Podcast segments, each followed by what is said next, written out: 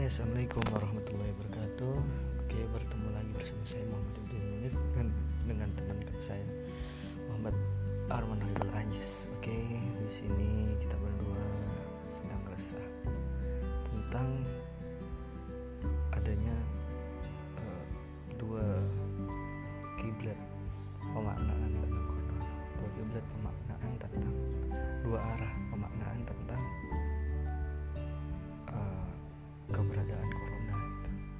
Jadi di sini kami ingin membahas dan se setahu kami saja ya semoga saja bisa membantu kawan-kawan untuk lebih membahasnya lagi.